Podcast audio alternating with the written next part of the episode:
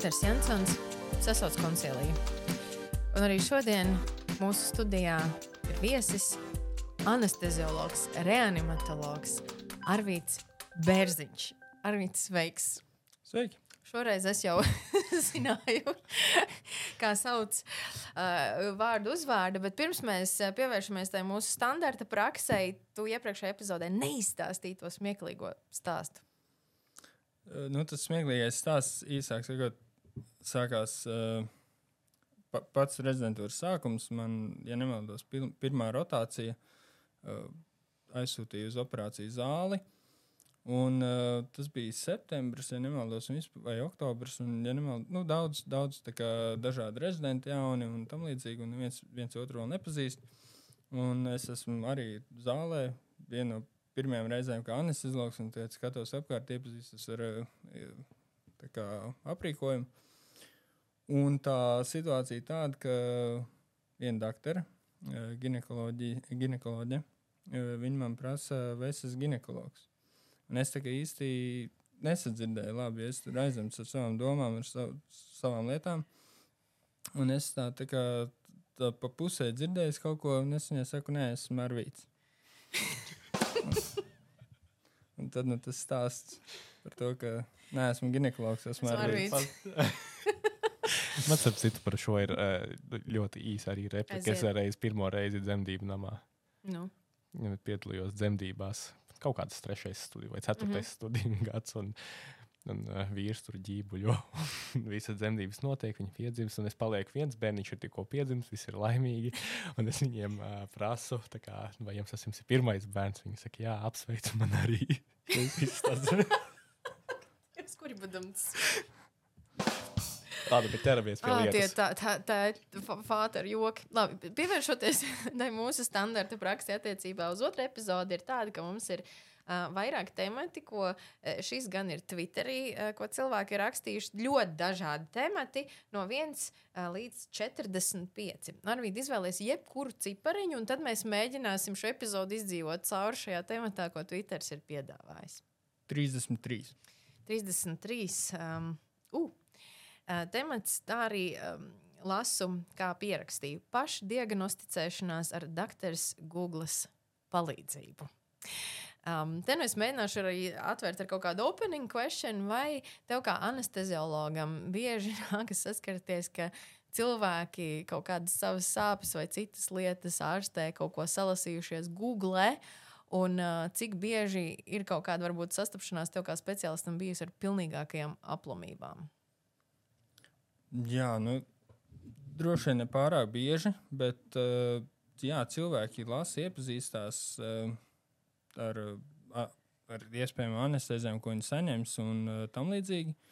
Jā, te droši vien ir jautājums vienkārši par to, cik uh, uzticami ir tie viņa avoti, ko viņi lasa. Jo bieži vien ir bijis tā, ka nu, es jau iepriekšējā podkāstā pieminēju par uh, to, ka daudz man prasa par uh, anesteziju biežumu. Uh, un tādām lietām. Un vēl nesen, bet es aizmirsu, ar ko tas cilvēks gribēja ārstēties. Un, uh, arī ar kaut kādu uzlējumu, kaut kādu dīvainu, bet es, es tiešām nepateikšu, kas tas bija par uzlējumu. Es viņam teicu, ka viņš to, protams, visu var darīt.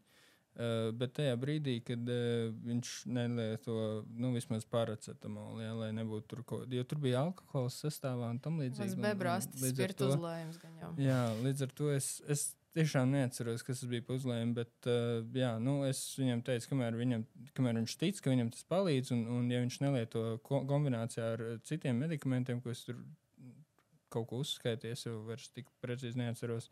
Es teicu, ka viņš to var, protams, lietot, bet uh, es to neiesaku. Nu, globāli es to neiesaku, bet uh, lietot viņš to var. Reini, tavā praksē, cik bieži cilvēki jau atnāk ar gatavām diagnozēm? Oi, diezgan bieži. Yeah. Uh, Lorijam, man liekas, vispār ir diezgan izplatītas dažādas pašārstēšanās metodes pie ausu sāpēm. Un, uh, ir puķis. Es tik, tikko man izkrita no galvas, kas tā ir pa vienu slaveno puķi, kur mm -hmm. cilvēki, ar kuru cilvēki, ar kuru cilvēki ārstē ausu sāpes. Kampareļas kompreses, mm -hmm. ķiploki ausī. Ko? Ausī ķiploki pie sāpošām ausīm. Uh, jā, ķiploki. Labi, ķiploku krēsls, protams, tas ir mūsu standartiņš. Tas ir arī jā. latviešu dzīves ziņas jautājums. Dzīves ir, jautājums. Uh, tas palīdz ieturēt distanci, vai ne? tas, ir, tas ir distances jautājums, jā. Bet uh, nu, kopumā kakla skalošanas ar visneiedomājamākajām lietām. Mm -hmm. Ļoti, ļoti, ļoti. Lor, ar loru patoloģijām cilvēkiem ļoti patīk pašārstēties. Man arī jāsaka, godīgi, ka pamatā es kā pediatrs vairumā gadījumā ārstēju elpoceļu infekcijas. Tur tiešām ir tā, ka uh, sālsūdens tās, nu, kad viņi ieliek mutē un tad, es nezinu, to skalo, to mhm, rīkli. Tas mm -hmm. ir tas standarts. Tas ir standarts, bet tas nav tikai pacientu un mātes Google jautājums. Tas jau ir arī ārstu pusē. Jā, tas, tas lauciņš vēl ir tas, nu, par, tā, par to ķiploku iepriekšējā sērijā mums pastāstīja ģimenes ārsts, ka ir cilvēki, kur liek ķiploks zeķēs lai izvilktu toksīnus un tādas lietas, bet, eh, bet eh, man vairāk interesē par tiem cilvēkiem, kas atnāk ar diagnozēm. Viņš saka, doktor, man ir šis te. Par šo ir ļoti labs stāsts man. Tātad es, tas bija 2018. gads. Dr. Jansons ir nokļuvis Oslo konferencē. Okay. Man ir šiltīte ar manu vārdu un uzvārdu, un apakšā paskaidrojums manam vārdam un uzvārdam vienkārši eksperts. Tātad konference, kas saucās, tā bija politiska konference, tur bija nokļuvusi dažādu iemeslu dēļ, kurā bija sadradušies uh, premjerministri, veselības ministri no visas uh, Baltijas, Skandināvijas plus Anglijas. Nu, tad, nu, lūk, mēs sēdējām pie galdiem, tur bija paneļa diskusijas par šiem jautājumiem, mm -hmm. par pašdiagnosticēšanos. Un, uh, daudz cilvēku vispār par medicīnas, vispār kaut kādām nākotnes lietām un tā tālāk, un tur artificial intelligence un tā tālāk un tā joprojām. Bet es kā jauns ārsts, varbūt ar, par maz zināšanām, bet ar kaut kādu pieredzi dizaina un informācijas jautājumos, es ļoti uzsveru par to, ka ir jauki runāt par uh, uh, nākotnīgām tehnoloģijām, bet mm -hmm. mēs mhm. varētu sakārtot jautājumu par diagnostiku. Mm -hmm. Un tajā brīdī man blakus sēdēja tā laika uh, Anglijas premjerministra Terēza Meija. Un es saku, ka padomājiet, cilvēki, visi, ka jūs, mēs runājam par visu to, bet ir laiks sakārtot to pieejamo uh, leģitīmo informāciju, kas ir pieejama no mums valstīm oficiāli. Tāpēc, mm -hmm. ka viss, ko cilvēki dara, cilvēki raksta savus simptomus. Un kur viņi nokļūst? Viņi nenokļūst valsts oficiālajās mājaslapās ar labu informāciju. Viņi mhm. pārstrādā nokļūst uh, cēlis LV un tā tālāk. Un ko viņi uzzina? Un tad Terēza Meija ļoti sāka smieties, jo viņa teica, ka viņai nesen sāpēja galva. Viņa iegūlēja, un, protams, ir tikai divas lietas, ko tu vari uzzināt par savu diagnozi. Ja tu raksti mm -hmm. Google, tev ir vēzis vai tu esi stāvoklī. nu, Tieši tāds arī ir. Bet uh, arī kā tev liekas, vai Google, doktora Google mums kā ārstiem ir palīgs vairāk vai tomēr kā traucēklis? Pat abstrahējoties varbūt tieši no tavas specialitātes, vai to redz kā, kā draudu traucēkli vai tomēr arī kaut kādā ziņā palīdzošu lietu? Es domāju, ka viennozīmīgi palīdzoša lieta. Varbūt okay, ne tik viennozīmīgi, bet manā skatījumā vairāk palīdzoša lieta, jo viss jau nav tik slikti. Ja? Kaut ko arī labu var atrast. Un, uh, visbiežāk jau tie algoritmi arī kaut kādas tādas uh, saturīgas uh, lapas ar saturīgu informāciju droši vien uzliek uh, vairāk augšpusē, nevis uh, nezinu, 23. lapas pusē. Un, starp citu, man ir viena publikācija, kas ir vēl no īrijas laikiem, kad es strādāju īrijā. Uh, tieši par uh, interneta avotu uh, uzticamību un pieejamību pacientiem. Uh, Un, eh, nu, tā mēs eh, jā, pētījām, eh, faktiski, cik uzticami ir šie te, avoti, un arī vai ir kaut kādas atpazīšanas zīmes šiem avotiem.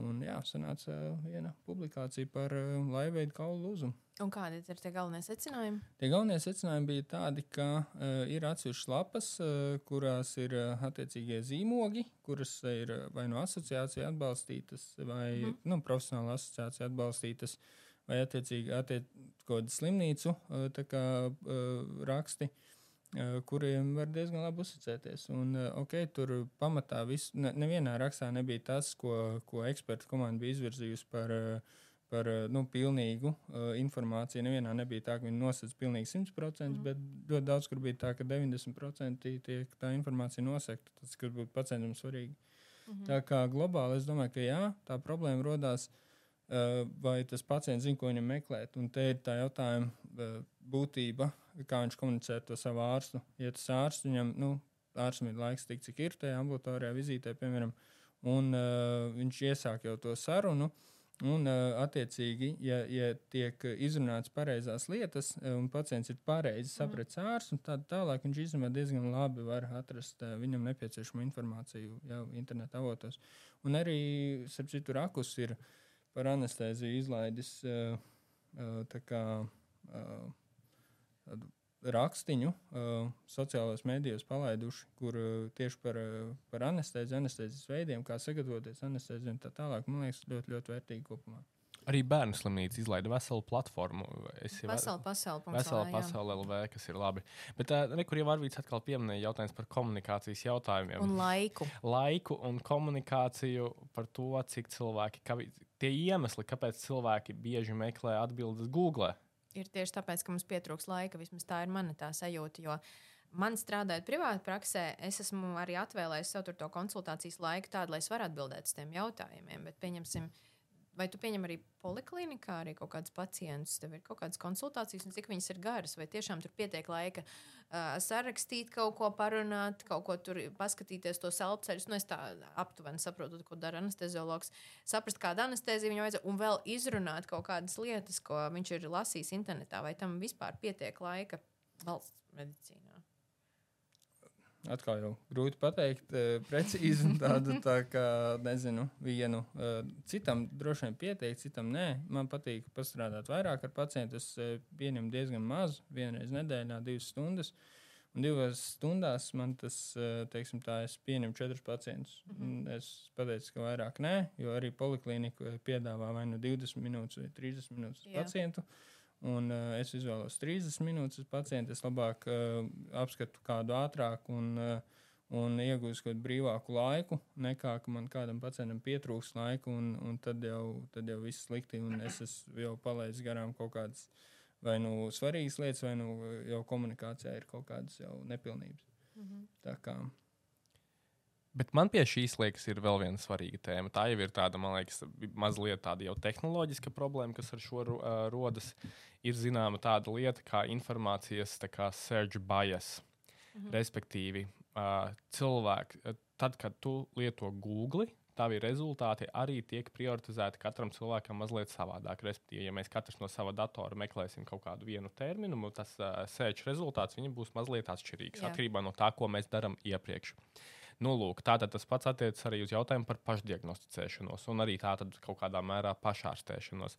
Tāds, man liekas, tāds sarežģīts jautājums, tas ir jau solis tālāk, un es nezinu, man nav mazākās jausmas, kā to var risināt. Ir, teiksim, cilvēki ar riska grupām, riska grupās, kas ir teiksim, ar sliktāku socioekonomisko stāvokli, kas mhm. jau ir pakļauti dažādiem veselības riskiem ar lielāko varbūtību viņiem vajadzēs vairāk nodarboties ar pašārstēšanu, ja cilvēki baidās vai viņiem nav iespēja aiziet pie mm. ārsta. Tātad viņus un vēl tie informācijas, tā algoritmu meklēšana, viņus var novest vairāk pie sliktās, sliktas informācijas. Līdz ar to, respektīvi, šis jautājums par to Google, es pieļauju, ka, ja cilvēks sēž nu, gaļasarā, mēs sēžam, mēs meklējam informāciju, mēs mākam viņu atlasīt, kur Jā. ir tā, kas mums ir vajadzīga, arī mūsu sēžu rezultāti noteikti izskatās labāki kā cilvēki, kas, piemēram, daudz sēž kaut kādos fórumos. Nē, nu, nu, tā šī ir vienkārši ļoti, nu, tāds, tas ir šausmīgi sarežģīts jautājums, bet uh, man liekas, ka vērts pieminēt. Te, te manā skatījumā ir jautājums, ko dara šīs platformas, vai viņas rīkojas atbildīgi. Un viņām, Nē, protams, manā skatījumā ne. viņām vajadzētu rīkoties atbildīgi, mm. jo viņām ir tā atbildība uh, un, uh, attiecīgi, viņi varētu radīt tādu algoritmu, lai tas uh, cilvēks nonāk tur, kur viņam būtu jānonāk. Nevis Bet Nezinu. mēs redzam, ka tas notiek tieši pretējā daudzumā, jo daudz cilvēku tiek jaukts, ka nu, ja daudz runa par cenzūras problēmām, to starp Twitterī, ka nekas nedrīkst tikt cenzēts, viss ir jāsaprot cilvēkiem pašiem, jābūt Jā. iespējām izvēlēties, kas uh, nav pēc idejiski nepareizi noteikti manā uztverē, bet tomēr tas ir runa par veselības jautājumu, ka tas var būt bīstami. Tas izklausās, ka būtu nepieciešamas regulas, un es neredzu, ka tas tuvākajā laikā varētu parādīties. Nu, arī attiecībā vispār uz tiem fórumiem tur ir jāsaprot, ka tur ir arī kaut kāda reklāma. Tur tie, kas maksā par reklāmām, viņiem vajadzīgi klikšķi. Līdz ar to kādreiz tie avoti, ko es lasu, viņi ir tīri labi, kas, kas ir forši. Un tad izlasi kādu, kur ir kā rakstījis ārsts, un tu lasi to, ko viņš ir rakstījis. Tad kā viņš jau tur tīki sāka sacīt. Un tad saproti, ka nav. Visa tā problēma ir tajā, ka viņi piedāvā gan labu informāciju, gan arī šādu informāciju. Cilvēkam jau arī grūti izvērtēt. Uh, uh, visu to, kas tur ir. Un es neredzu, nu, pieņemsim, mums arī attiecībā uz atbildību. Ja? Nu, mums valstī ir žurnālistisko ārste un aizstāsta ar ļoti jocīgiem arī padomiem. Nu, viņiem atbildības nekādas juridiskas nav. Viņi nav ne ārstniecības personas, nekas viņiem. Viņi var rakstīt, ko viņi vēlas.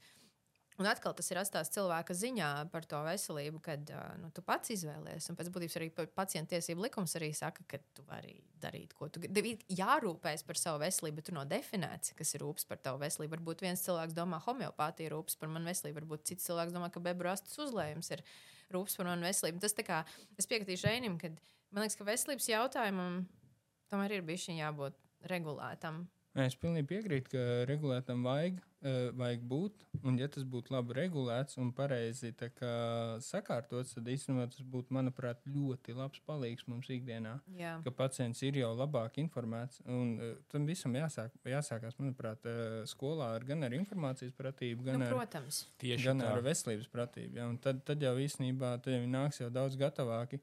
Es ļoti labi atceros, strādājot īrijā. Uh, Uh, par informācijas uztveri. Man liekas, atbraucot atpakaļ uz Latviju, bija tāds bišķiņu kultūra šoks par to, kā, kā informācija tiek uztverta mūsu populācijā un kā viņi uztver tur.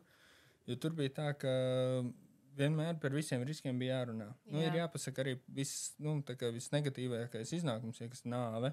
Mm -hmm. Piemēram, kad nu, kaut kādā noteiktā procentā var būt arī operācija, var novest pie nāves. Mm -hmm. Un, okay, tas procents ir ārkārtīgi zems. Bet tajā brīdī, kad uh, to saka, piemēram, uh, bērna mātei, tēvam, tajā brīdī tas var kļūt nu, diezgan emocionāli nepatīkama pieredze. Un tur to visu uztvēra ļoti normāli. Man nevi, neviena slikta, neviena slikta situācija nebija. Un šeit Latvijā es atbraucu, un arī otrais rezidentūras gads atceros, un es vienam pacientam vienkārši atļāvos izstāstīt procedūru soli pa solim. Pārgriezās acis, un viņš tur noģība turpat tās mm. uz vietas. Ja. Nu, jā, droši vien tur arī mana kļūda, ka es varbūt uzreiz nenoidentificēju, ka viņš ir tāds ārkārtīgi satraukts. Jā, jā. Bet uh, globāli uh, Latvijā to, to informāciju uztver daudz sāsinātāk nekā, nekā citur. Un iespējams tas ir tāpēc, ka ir šī mācība jau skolā bijusi citādāk nekā mums. Iespējams, tāda ir hipotēze, bet uh, Tas ir tā, tāds mans novērojums, ko es. Nē, ko es, es arī to noteikti esmu. Tagad, kad tā sākās, es arī to noteikti esmu ievērojis. Es gan cenšos izstāstīt par visiem riskiem, bet man arī ir tāds, ka ārzemēs tomēr tos riskus kaut kā uztver krietni veselīgāk nekā tad, ja tu pateiktu.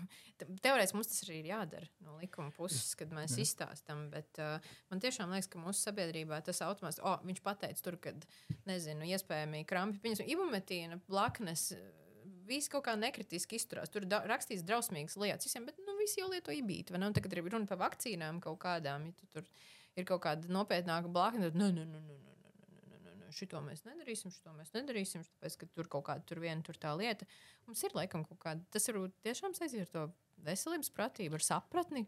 Veselības mācības trūkums jau kopš organismā. bērnības, organismā, bet jau kopš, nu, es neatceros, ka man skolas laikā būtu vispār jebkas mācīts par veselību. Mm -hmm.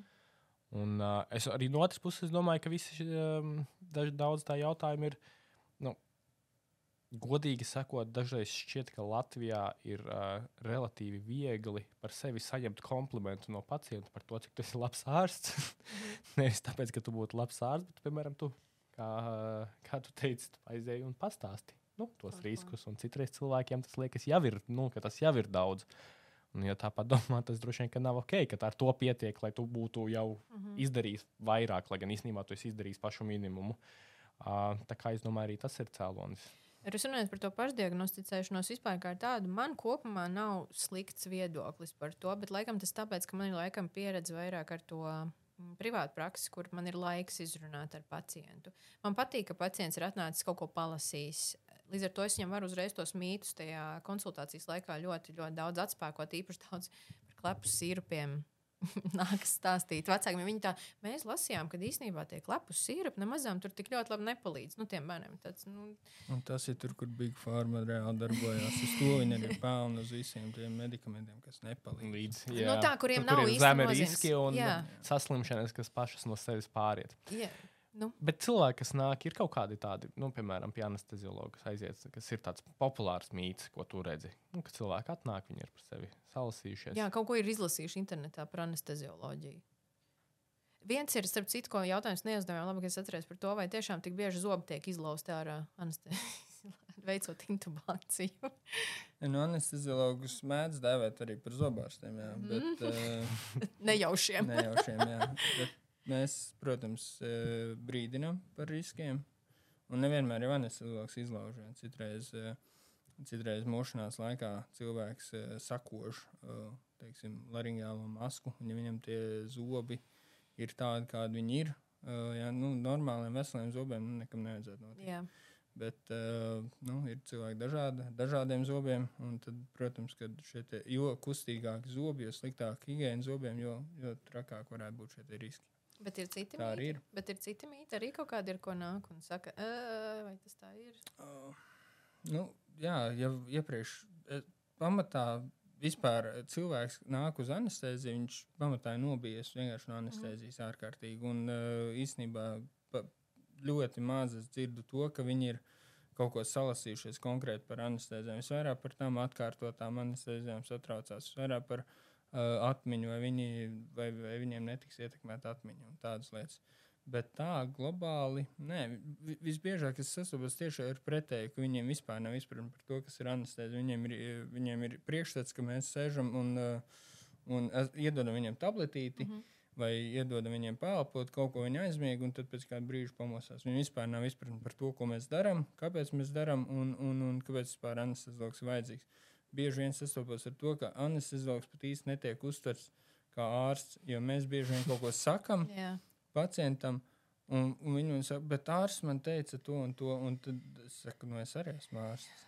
Es atcerējos Viņi tikko par īsti- vienu īsti lietu. ka Nesaprotu. to. Jā, man vai nenāk pacients, saka, man vajag šitādu anesteziju. Es izlasīju, ka šitā beiga labā ir. Šeit tad nāk. Viņi bieži vien uh, tieši grib šo te vispārējo anesteziju, mm. -hmm. lai gan viņi vispār nav iepazinušies ar to, kādas ir citas opcijas. Un tur ir tā lieta, viņi nezina, uz, viņi nezin, ko viņi grib. Mm uh, viņi grib bieži vien nu, anesteziju, kurai potenciāli riski ir daudz lielāki nekā, mm. -hmm. nekā citām anestezijas metodēm. Es- Bet viņi ne, neko negrib dzirdēt. Un te atkal par to, to pašu, par, par to komunikāciju un, un tam līdzīgi. Viņi negrib dzirdēt riskus, viņi negrib dzirdēt mm. uh, nu, tādas padziļinātu informāciju. Tā ir vieglāk, bieži vien, diemžēl. Es uzreiz gribu, tas ir ļoti saistīts tieši ar manu profesiju, uzreiz, lai varbūt mītētu to, mītē, kliedētu to mītu.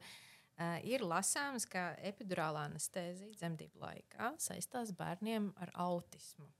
Un vispār epidurāla anestezija esot ļoti slikta. Un sievietei dzemdību laikā ir jācieš, lai tā skaistītos īsti dzemdības.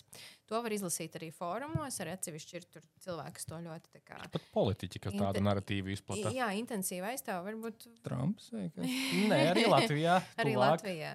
Okay. Jācieš epidurāla anestezija, ufuja pētā, tālāk un tā joprojām. Un varbūt tu vari Jā, man liekas, ka Nos- laba vieta, ja reiz mēs runājam Jā. Par pašdiagnostiku un pašlasīšanu. Un noteikti Jo- var atrast daudz lietas par to.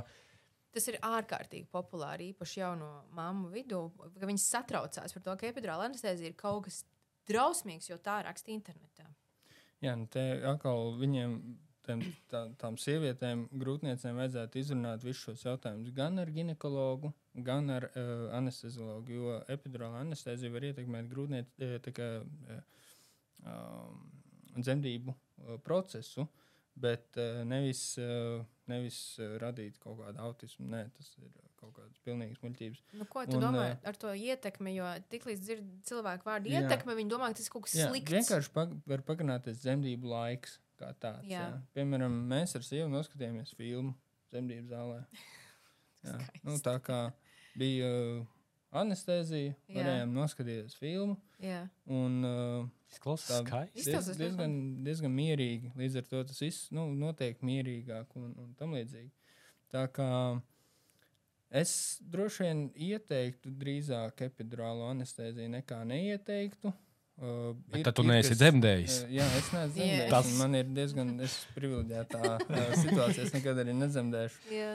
Un, uh, jā, bet es kā anesteziologs droši vien uh, ieteiktu, ja nav kontraindikācija, nekādu ieteiktu. Jā. Uh, epidurālu Tātad tu atbalsti, ka tas Latvijā beidzot valsts apmaksāts ir Jā. pieņemts vai ne jau kādu Jā, jā, laiku? jā, jā, jā, ir, ir sievietēm pieejama valsts apmaksāta Jā, viņas to vēlas noteikti. Jā, es, Un, es tad tas vēl viens jautājums, par ko tiek runāts, un es saprotu, vai tās anest anestētiķis nonāk bērnā.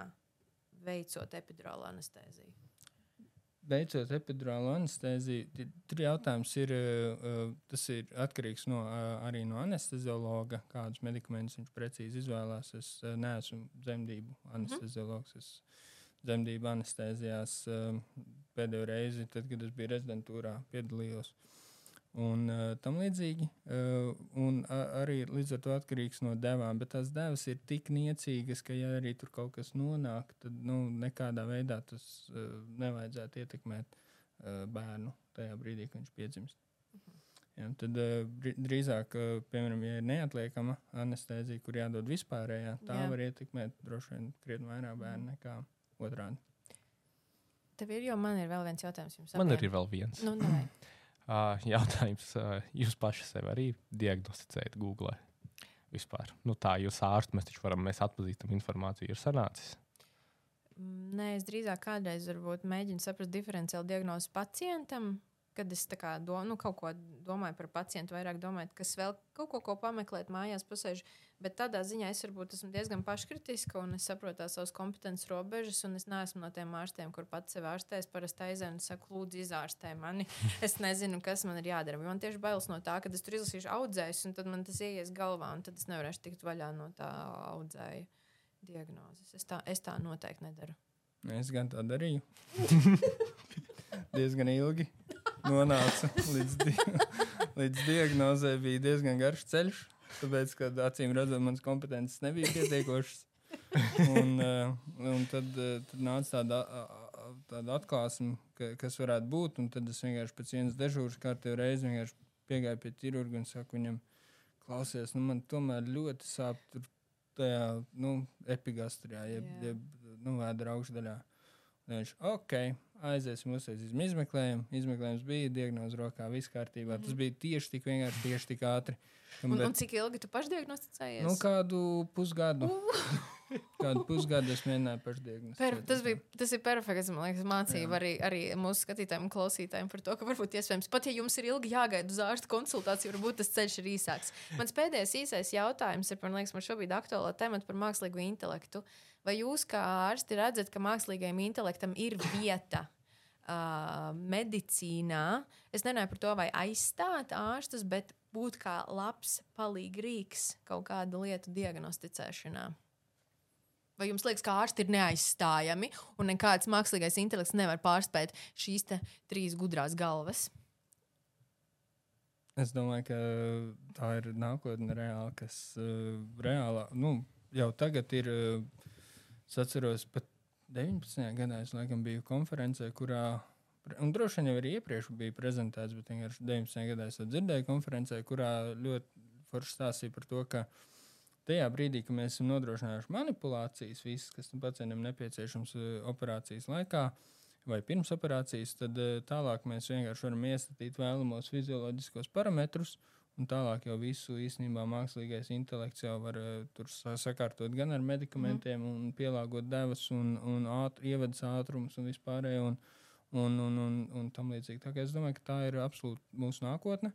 Vienkārši mēs droši vien būsim tie, kas uh, iestata tos uh, vēlamos parametrus, ko mēs gribam Jā. sasniegt katrā operācijas etapā. Nu, piemēram, arī varbūt ķirurgam tāda situācija, pēkšņi, ka viņam vajag to spiedienu augstāk, ja, bet mm. mēs esam iesatījuši mākslīgam intelektam to, to ka spiedienam ir jābūt zemākam, tur operācijas lielākajā daļā laika, ja, un tad, tad mums vienkārši jāpamaina šis parametrs. Mm -hmm. Tad atkal uh, mākslīgais intelekts viss sakārtos pāris minūšu laikā. Un tam līdzīgi. Tā, es domāju, tas viss ir reāli, tas viss tā arī būs. Uh, tikai jautājums, kad, kurā brīdī un tam līdzīgi. Man liekas, ka jautājums nav vai jautājums ir jā, kad. Man mm -hmm. liekas, ka tas īstenībā pēdējā gada laikā ar visām chat GPT iznākšanām ir jā. jau palicis ātrāk nekā mēs iedomājāmies. Uh, es gan nedomāju, ka ārsti tiks tā tik ļoti aizvietoti, bet esmu pilnīgi drošs, ka lielai daļai da ārstu viņa darba specifika mainīsies, darba pienākumi mainīsies mhm. noteikti. Mm -hmm.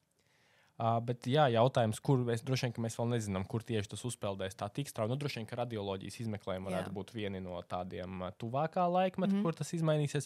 Bet tajā pašā laikā liekas, ka tur ķirurgs jau tā neaizvietos mākslīgais intelekts un tā tālāk. Bet tajā pašā laikā uh, teica, nu, kad nāks mākslīgais intelekts, viņš mācīs jau māk, visu kaut ko ģenerēt, nu, tad māksliniekus jau gan neaizvietos. Tāpēc, ka nu, mākslinieks ir mākslinieks un tur ir reizes un tā tālāk. Un atnāk mākslīgais intelekts un pirmais, ko viņš izdara, vienkārši prāta, ka grafiskais dizains un viss tas tālāk varētu būt viena no pirmajām lietām, nu, kas tiek vienkārši iznīcināta ar uh, mākslīgo intelektu. Tā kā grūti paredzēt, bet skaidrs, ka tas būs mūsu labākais draugs. Un tiem, kas negribēs būt labākais draugs ar mākslīgo intelektu, visticamāk būs jādomā par citu profesiju. Labi, apaļojoties, pēdējās varbūt kaut kādas atziņas vispār par pašdiagnosticēšanos, jo tā ir Latvijas populācijā diezgan, nu, nevis liela problēma, bet aktualitāte, ka pie ārsta grūti tikt, privā, privātajā praksē grūti samaksāt pašdiagnosticēšanu. Varbūt kaut kāds tāds padoms īsais, lai nekaitētu sev ar doktoru Google? Palasam, bet uh, pajautājumu arī. Nu, Piezvanām ģimenes ārstam. Respektīvi, doktora Bērziņa piemērs, viņš pusgadu diagnosticējās un pusstundā patiesībā ar ārstu palīdzību atklāja to, to diagnozi. Varbūt ir diezgan pamācoši. Jā, nu es piekrītu, lasīt varam, lasām, iepazīstamies uh, un tā tālāk, bet tajā pašā laikā nu, ne, ne, nu, nezaudējam laiku, iestājamies jau tajās rindās, ja, jo, kā jau pieminēju, par to, ka tikt pie ārsta Latvijā nav tik vienkārši. Mm -hmm. Tā ir viena no lielām problēmām. Tāpēc, jā, iestājamies rindā, tikmēr meklējam informāciju, iepazīsimies ar informāciju, bet tāpat laikā nu, varbūt nedaram kaut kādas trakas lietas, nu, nemēģinam dabūt uh, medikam, eh, recepšu medikamentus uh, un nesākam lietot recepšu medikamentus bez ārsta ziņas, ja, jo ir visādas tādas dzirdētas, ja, ka uh, dabūna kaut ko nezinu, no ārsta palīdzību, kaut kāda drauga es nezinu, pat kādā veidā vai apmānot, vai vēl kaut ko mm. dabūnu kaut kādus medikamentus, un tad lieto medikamentus, kurus viņš vispār nesaprot, kāpēc jālieto un, un, un, un cik ilgi jālieto un, un tam līdzīgi. Tā kā to nedaram. Tu gribēji kaut ko papildināt? Pirms es saku, vienkārši pieliecies, ne, vienkārši pieliecies, domāju, būtu jādara. Nu, jā, laikam, man tas, tas, tas, tas, tas nevis ieteikums, bet atgādinājums, ka tiešām tā ir, ja Google raksta kaut kādas simptomas, tur vienmēr pamatā izlaiž, ka vai nu tu esi stāvoklī, vai nu tevi ir audzējis. Uh, un es gribu atgādināt, ka doktors Google informācija tādā ziņā ir diezgan plakana, jo pacients varbūt pievērš uzmanību kaut kādiem diviem simptomiem, kas viņam ir izteiktāki, bet tikai ārsts spēj saprast, kas vēl papildus ir jāpajautā, lai saliktu to bildi tādu uh, pilnvērtīgāku un uh, lai viņš tās diferenciāli diagnozes arī veiksmīgāk uh, saprastu, kā atšķetināt Nu, tu tā vienmēr pieliec. Jā, man ir tagad, un tomēr es, es iedomājos arī otrā pusē rekomendācija arī no ārstu puses. Man patīk, ka jūs sakat, ka pacienti, nu, ka cilvēkiem jā, vajag lasīt, varat lasīt. Tas varbūt īstenībā kādreiz jā. palīdz un atvieglo. Jo es esmu dzirdējis arī, ka ārsti pasaka, ka ne, vienkārši nevajag lasīt. Nē, es, jā. Nē, es saku, pieņemsim, tajā brīdī, kad tas rada trauksmi īpaši par onkoloģiju, tad es arī saku, varbūt nevajag lasīt, ir jānāk nu, pie ārsta. Jo tad viņi parasti salasās, viņiem liekas, ka viņi visi nomirs. Nu, tā tas ir. Tur, tur jau ir sarakstīta tā plakanā informācija, visas diferenciāla diagnozes, kur mēs paši zinām, ka dienas beigās, ja kaut kas ir neskaidrs, ir vienmēr jāmeklē onkoloģija vai kaut kāda smagāka saslimšana. Nu, tā tas ir, bet pacientam ir grūti to izvērtēt. Lasot tajā doktorē, Google. Jā, tieši man, manuprāt, tā diagnostika Google ir ārkārtīgi neveselīga, bet tajā brīdī, kad ir diagnoze, mm. tajā brīdī iepazīties ar informāciju par diagnozi, par iespējām, ir, tas ir daudz vērtīgāk. Bet uh, no simptomiem dažiem izlobīt diagnozi, tas ir uh, ārkārtīgi sarežģīti. Bingo, bingo. Reina, vēl ir kaut kas tev mm. sakāms? Jo man ir sakāms tikai viens teikums. Paldies, doktor Bērziņ. Mūsu koncilijas ir noslēdzies. Paldies!